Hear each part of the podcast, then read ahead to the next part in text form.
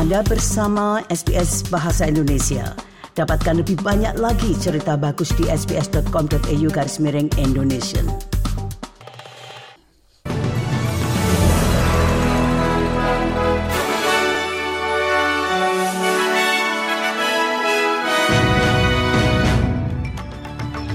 Warta berita SBS Audio untuk hari Senin tanggal 19 Februari. Sari berita penting hari ini, pihak oposisi mengatakan pemerintah federal tidak mengatakan yang sebenarnya terkait dengan pencari suaka. Kekhawatiran bahwa terlalu mudah untuk mencabut kewarganegaraan Australia seseorang dan dari dunia kriket, David Warner telah memberikan persetujuannya atas pengaturan penggantinya di sisi pertandingan tes Australia. Berita selengkapnya. Pemimpin pihak oposisi federal Peter Dutton mengklaim pemerintah federal telah mengurangi upaya untuk menghentikan pencari suaka yang tiba di Australia dengan perahu. Pencari suaka kembali menjadi isu politik besar sejak sekelompok orang yang berjumlah hampir 40 orang dari Pakistan dan Bangladesh ditemukan di Beagle Bay di sebelah utara Broome pekan lalu. It's clear that they don't have the same surveillance in place that we had when we were in government. It's inconceivable that a boat of this size, carrying 40 plus people, could make it to the mainland. Komisi Hak Asasi Manusia Australia mengatakan mereka khawatir bahwa pencabutan kewarganegaraan Australia bagi narapidana teroris tidak akan membuat Australia menjadi lebih aman.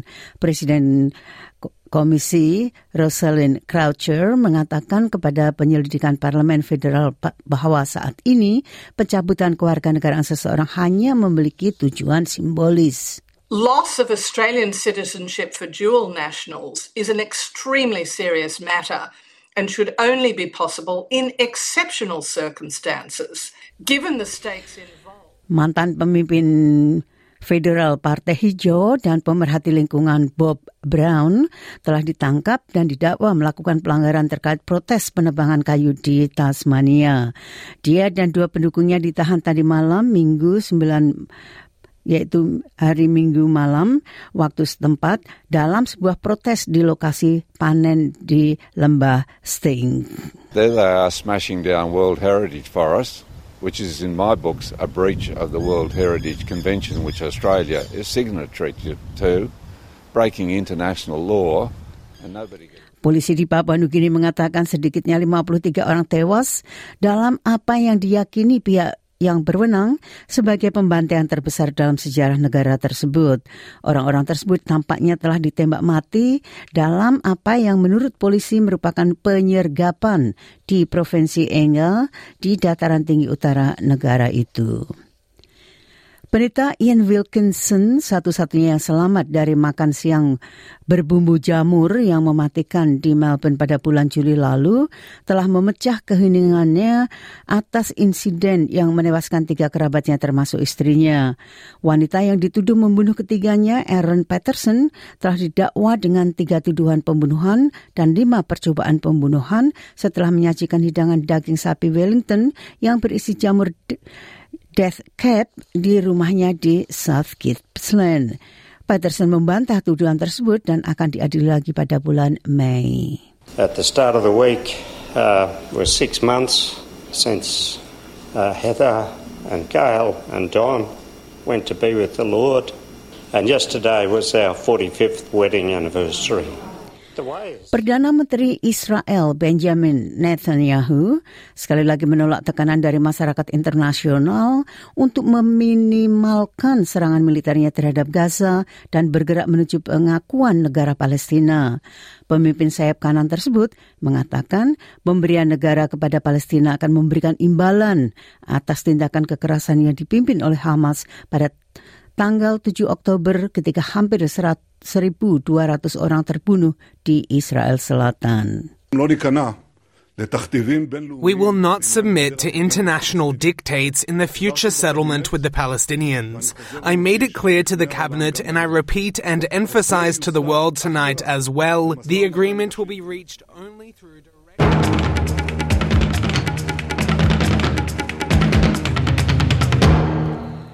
Nah dari dunia kriket, di bidang kriket, batsman pembuka Australia David Warner telah memberikan persetujuannya atas pengaturan penggantinya di sisi pertandingan tes Australia. Namun Warner mengatakan hal itu pada akhirnya akan membantu menyegarkan tim.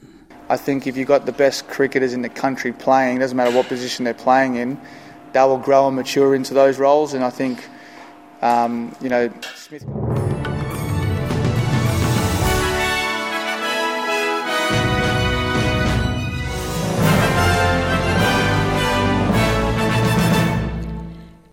Nah, sekali lagi, sari berita penting hari ini, pihak oposisi mengatakan pemerintah federal tidak mengatakan yang sebenarnya terkait dengan pencari suaka.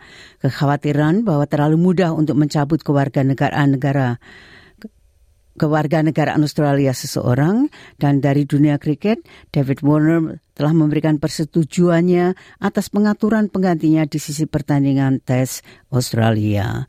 Sekian warta berita SBS Audio untuk hari Senin tanggal 19 Februari. Halo saudara, Anda mendengarkan Buletin KBR untuk pendengar SBS Australia. Saya Naomi Liandra. Saudara Komisi Pemilihan Umum KPU diminta menghentikan proses penghitungan suara elektronik sistem informasi rekapitulasi atau Sirekap karena memicu spekulasi dugaan kecurangan seperti penggelembungan suara. Desakan itu disampaikan Ketua DPP PKS Mardani Alisera yang juga juri bicara tim pemenangan nasional Anies Muhaimin. Menurutnya Sirekap belum siap digunakan dan terkesan dipaksakan pada pemilu kali ini. Kalau diperlukan dihentikan Sirekapnya dan fokus kepada perhitungan manual sesuai dengan undang-undang pemilu.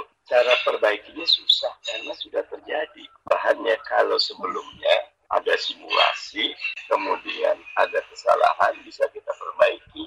Mardani Alisera yang juga caleg DPR RI PKS Dapil DKI Jakarta mengaku sejak awal menolak perhitungan sirekap lantaran besarnya potensi masalah. PKS menemukan data tak sinkron antara formulir C1 hasil plano atau catatan hasil penghitungan suara dengan sirekap KPU. Data tak sinkron di sirekap juga ditemukan tim jaga suara 2024 Jumlah suara tidak sah tidak sesuai dengan hitungan jumlah suara pasangan calon.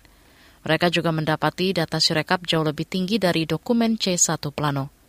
Temuan ini berdasarkan hasil evaluasi 5 ribuan sampel Sirekap yang tersebar di 1.100-an kelurahan dan dipilih acak. Penggagas jaga suara Hadar Nafis Gumai khawatir Sirekap justru jadi alat rekayasa karena memuat beragam kejanggalan penghitungan suara. Sirekap itu posisinya sangat penting, tapi kelihatannya tidak keren amat gitu ya. Bahkan alat bantu ini jangan-jangan alat rekayasa. Tetapi persisnya semua ini tentu kita harus eh, periksa betul. Dan kita harus ikuti ini semuanya, kita harus kejar, pastikan mereka merapihkan. Karena tadi dia merupakan bahan untuk rekap manual. Kalau bahannya kotor, maka rekap manual resmi itu juga tidak bersih. Adapun progres penghitungan suara Cirekap untuk Pilpres sudah mencapai 67 persen malam tadi. Di lain pihak, Direktur Eksekutif Perludem Hoirunisa berpandangan Sirekap tak perlu ditutup. Dikutip dari Antara, Sirekap berfungsi sebagai alat bantu, alat publikasi sekaligus alat kontrol pemilu. Sementara itu, pakar keamanan siber dan vaksin kom, Alphonse Tanujaya, mengatakan ketidaksinkronan data yang terunggah di Sirekap KPU dengan form C1 disebabkan kesalahan teknis. Alphonse menjelaskan Sirekap menggunakan sistem pengenalan karakter optik OCR dan pengenalan tanda optik OMR. Kata dia perekaman data lewat sistem itu tidak 100% sempurna. Yang diupload itu 800 ribu TPS, kalau tiap TPS katakan upload 5 dokumen itu 4 juta dokumen diupload ke KPU gitu loh. Nah jadi itu satu persen pun nggak nyampe gitu loh. 0,000 sekian persen gitu loh. Pakar keamanan siber dan Vaksinkom Alphonse Tanujaya menambahkan kesalahan dalam membaca data TPS bisa terjadi lantaran kamera ponsel tidak optimal memotret. Alhasil proses unggah data pun tidak sempurna. Sebab lain, kata Alphonse, mungkin karena faktor manusia atau human error akibat kesalahan memasukkan data yang tidak disengaja maupun disengaja. Menurutnya hal tersebut harus dibuktikan agar tidak menjadi bola liar KPU. Alphonse pun meminta agar KPU menjadikan masalah Sirekap sebagai evaluasi jika dipergunakan lagi semisal di gelaran Pilkada 27 November mendatang. Masih terkait pemilu, puluhan petugas kelompok penyelenggara pemungutan suara atau KPPS tercatat meninggal saat bertugas mengawal pemilu 2024. Menurut Direktur Eksekutif Perkumpulan untuk Pemilu dan Demokrasi Perludem, Hoirunisa Nur Agustiati, perlu dipertimbangkan pemilu serentak dengan lima surat suara dalam satu hari, tidak digelar bersamaan. Ia mengingatkan faktor kelelahan menjadi penyebab petugas KPPS meninggal. Jadi ke depan ya kita perlu perlu evaluasi total nih kita udah dua kali pemilu serentak lima kotak. Uh, ada yang bilang ini bukan pemilu serentak, tapi pemilu borongan karena semua diborong di satu hari yang sama. Kita perlu pikirkan lagi nih nggak nggak bisa lagi nih lima kotak begini gitu ya. Kita pecah-pecahkah gitu ya nasional dulu, nanti provinsi atau kabupaten kota. Itu tadi Direktur Eksekutif Perkumpulan untuk Pemilu dan Demokrasi Perludem, Hoirunisa Nur Agustiati. Saudara Presiden Joko Widodo bertemu Ketua Umum Partai Nasdem Surya Paloh di Istana Kepresidenan Jakarta malam tadi. Mengutip antara Koordinator Staf Khusus Presiden Ari Dwi Payana membenarkan pertemuan itu. Ari menyebut Surya Paloh meminta bertemu Jokowi setelah gelaran pemilu 2024. Jokowi dan Paloh bertemu empat mata saat makan malam sekitar satu jam. Menurut Ari, dinamika politik dan pemilu termasuk yang diperbincangkan kedua tokoh. Pertemuan Jokowi dengan Paloh juga dibenarkan Bendahara Umum Partai Nasdem Ahmad Sahroni. Menurutnya pertemuan itu bersifat silaturahim yang biasa. Namun dia membantah Paloh yang meminta bertemu Jokowi. Kata dia, Jokowi lah yang mengundang Paloh. Pertemuan tersebut diduga terkait peta politik pasca pemilu. Seperti diketahui Surya Paloh dan partainya Nasdem mengusung Anies Baswedan Muhaimin Iskandar dalam Pilpres 2024. Kita ke berita hukum. Dewan Pengawas KPK dianggap gagal menjalankan tugas dalam kasus pungutan liar di rumah tahanan KPK. Hal itu disampaikan eks penyidik KPK yang juga Ketua Indonesia memanggil 57 Plus Institut Praswat Nugraha.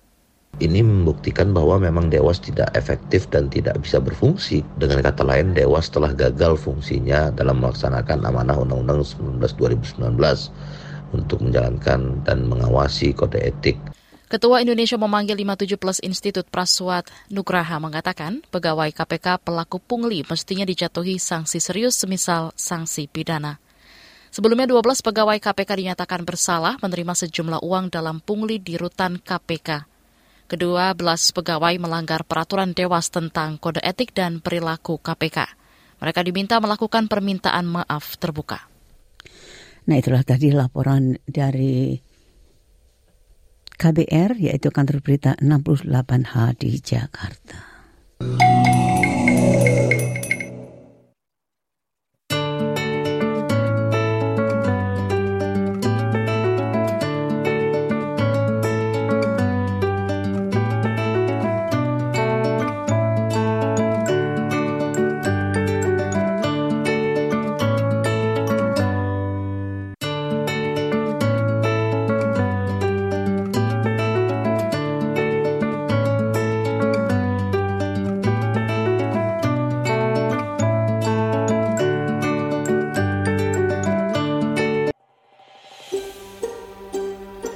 Sukai, berbagi, komentar. Ikuti SBS program Bahasa Indonesia di Facebook.